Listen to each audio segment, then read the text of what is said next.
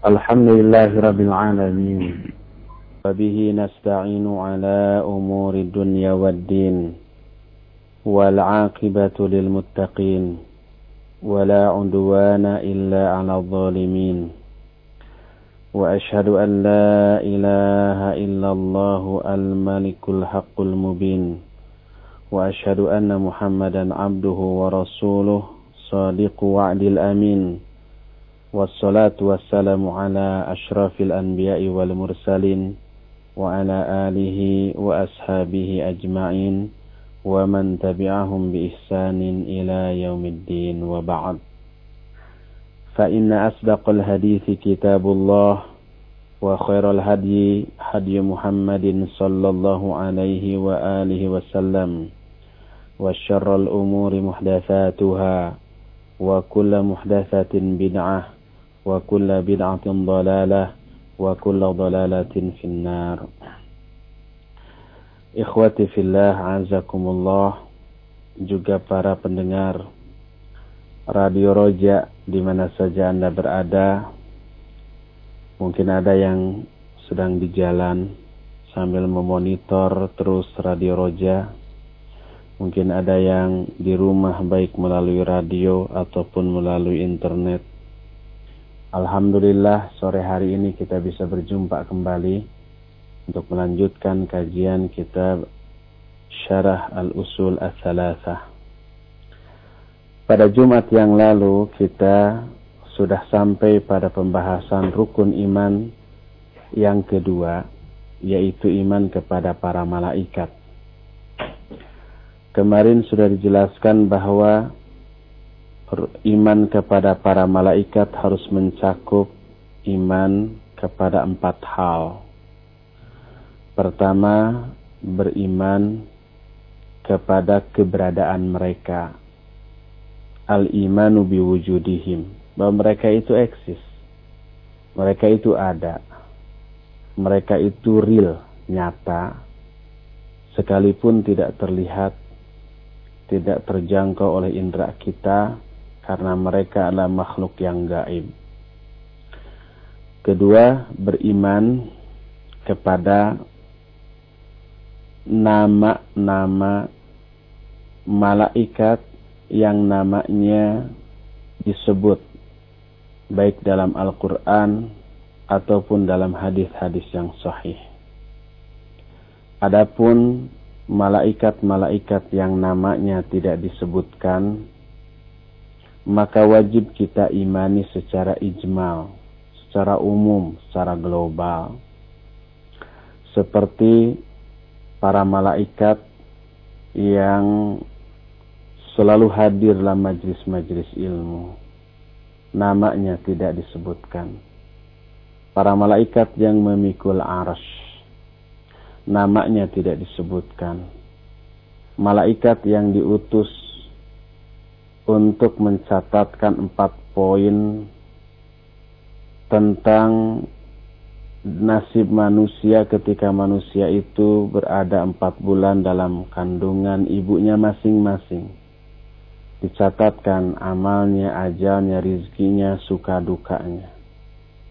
Malaikat yang mencatat itu tidak disebutkan namanya. Dan banyak juga malaikat-malaikat lainnya yang juga tidak disebutkan namanya. Wajib kita imani secara global Adapun yang disebutkan namanya dalam Al-Quran seperti malaikat Jibril, Mikail, Israfil, Malakul Maut, Malik, Ridwan, dan Munkar serta Nakir yang disebutkan di dalam hadis yang sahih, maka wajib kita imani secara khusus sesuai dengan kekhususan penyebutan nama mereka baik dalam Al-Quran ataupun hadis yang sahih. Itulah poin yang kedua.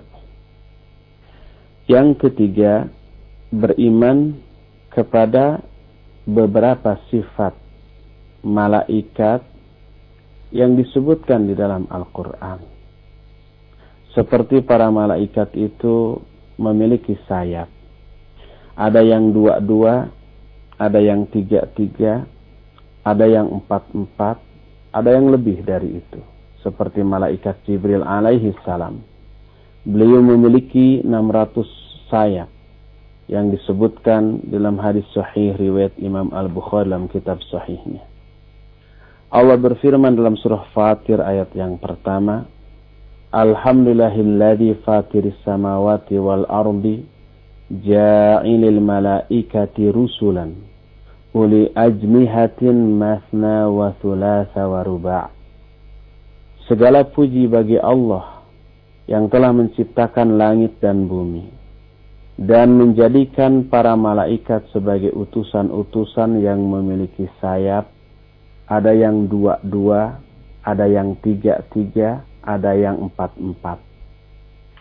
Ayat tersebut menunjukkan salah satu sifat fisik atau sifat zatiah dari malaikat, yaitu memiliki sayap dengan jumlah sayap yang berbeda-beda, ada yang dua-dua, tiga-tiga, atau empat-empat, Bahkan dalam Sahih Bukhari, malaikat Jibril disebutkan memiliki 600 sayap.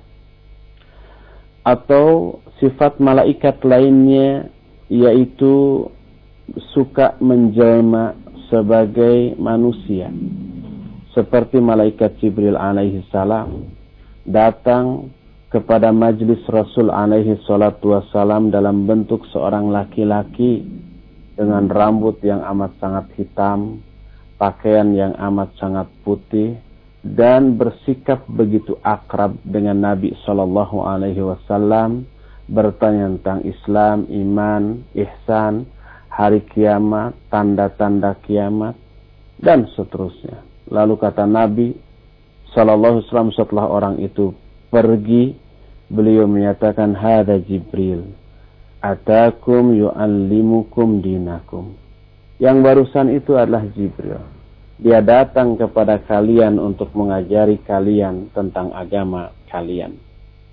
Demikian juga para malaikat yang Allah utus untuk menemui Ibrahim alaihissalam, Nabi Lut, dan nabi-nabi lainnya, seluruhnya berbentuk manusia.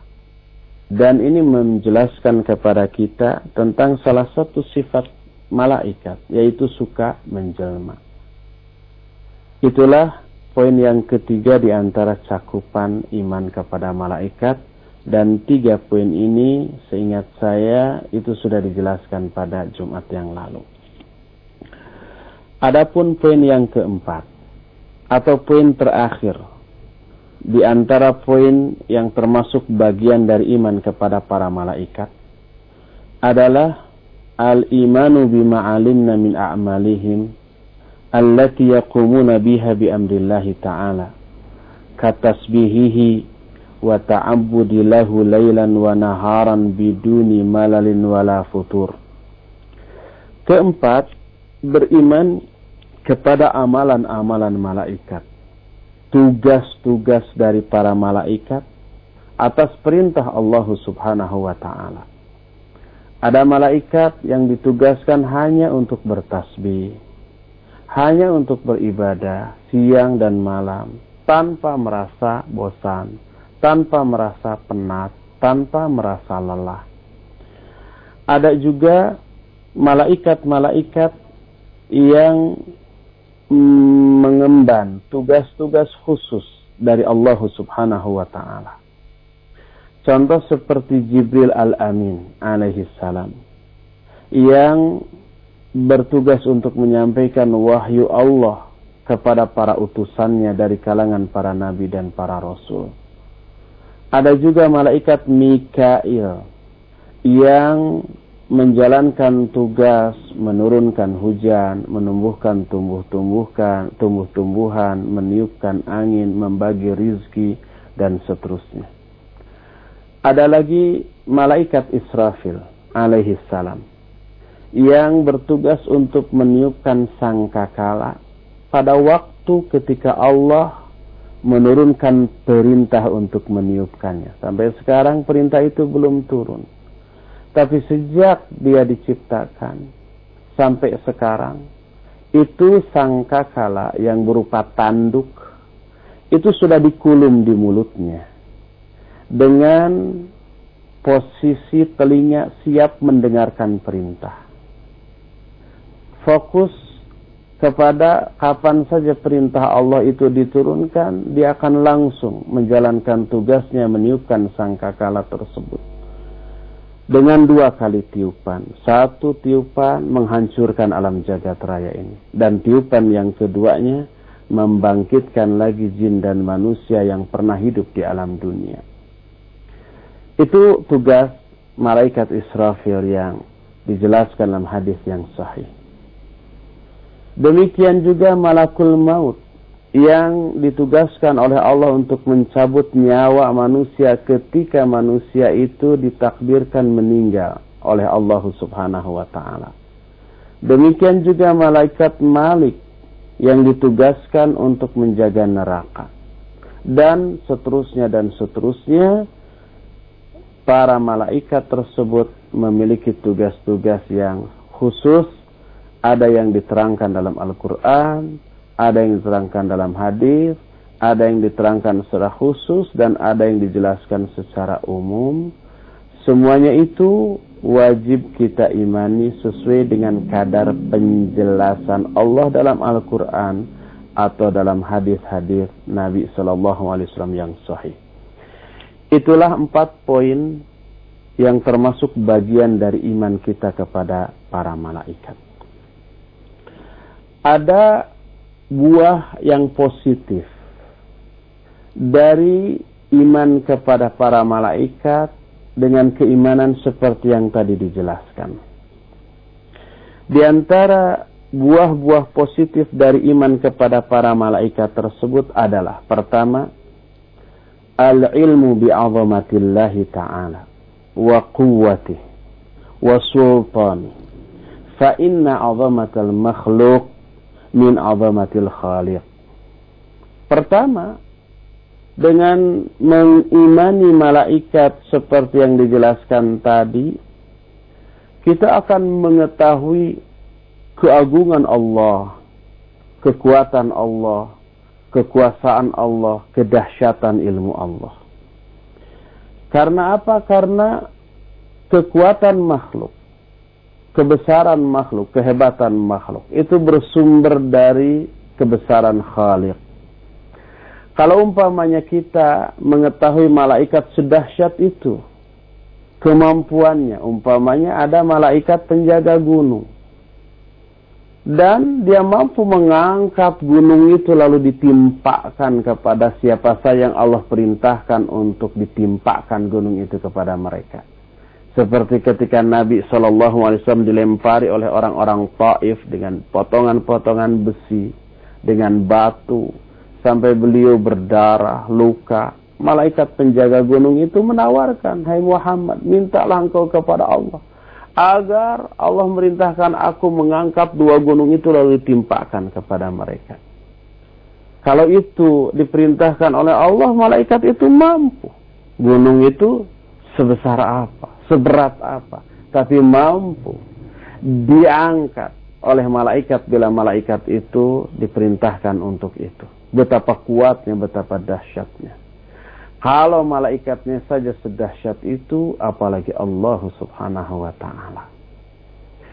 Kita tahu malaikat itu ada juga yang bertugas untuk memikul arash Allah.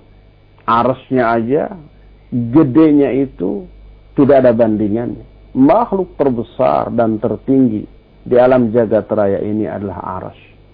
Arash itu dipikul oleh delapan malaikat. Sekuat apa itu malaikat yang memikul arash?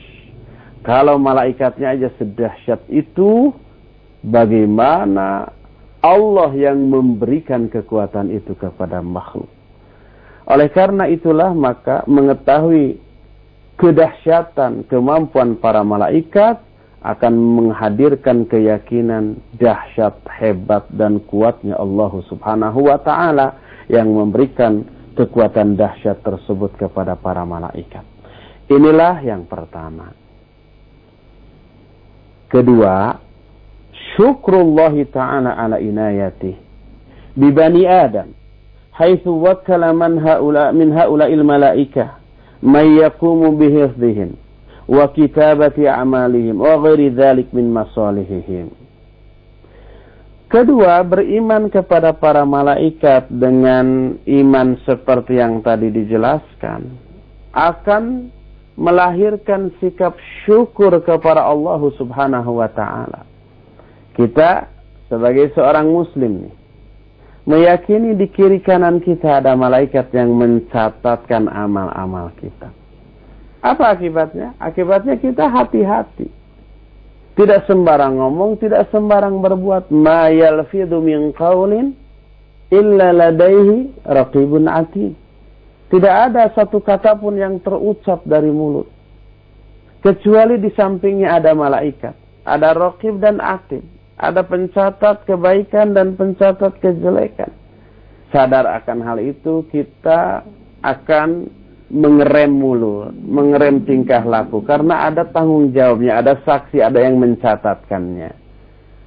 Kita pun meyakini ada malaikat yang ditugaskan khusus untuk menjaga keselamatan kita dari musibah atau kecelakaan yang belum Allah takdirkan. Sehingga kadang-kadang atau sering kali orang mengalami ya pas mau kecelakaan tiba-tiba entah ada apa reflekslah kita ada sesuatu yang mengingatkan kita sehingga kita terhindar dari kecelakaan tersebut. Itu karena adanya malaikat yang menjaga kita. Ada lagi umpamanya kita meyakini bahwa ada para malaikat yang sengaja oleh Allah dikirim untuk membantu orang-orang mukmin.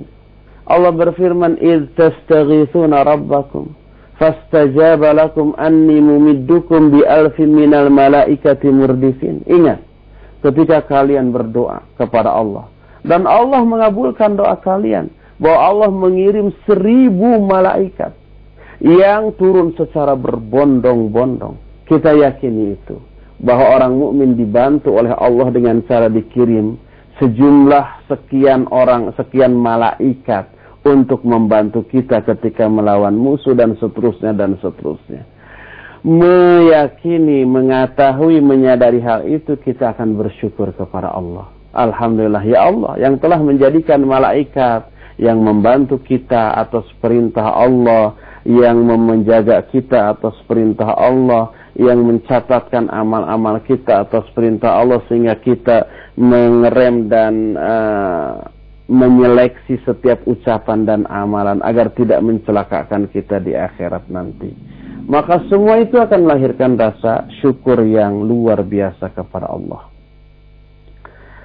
Ketiga, di antara buah positif dari iman kepada para malaikat adalah mahabbatul malaikah. Ala maqamu bihi min ibadatillahi ta'ala. Akan lahir kecintaan yang besar kepada para malaikat.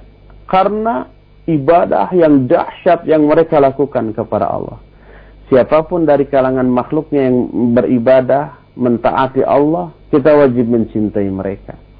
Dan demikian juga di dunia, manusia yang taat, yang soleh, yang tunduk patuh, yang multazim, yang loyal, yang komitmennya tinggi kepada Allah, itu rata-rata memiliki karisma yang tinggi dan dicintai oleh sesama manusia. Dan banyak lagi ya dampak-dampak positif dari iman kita kepada para malaikat seperti yang tadi dijelaskan. Namun sayang di kalangan kaum muslimin ada orang-orang yang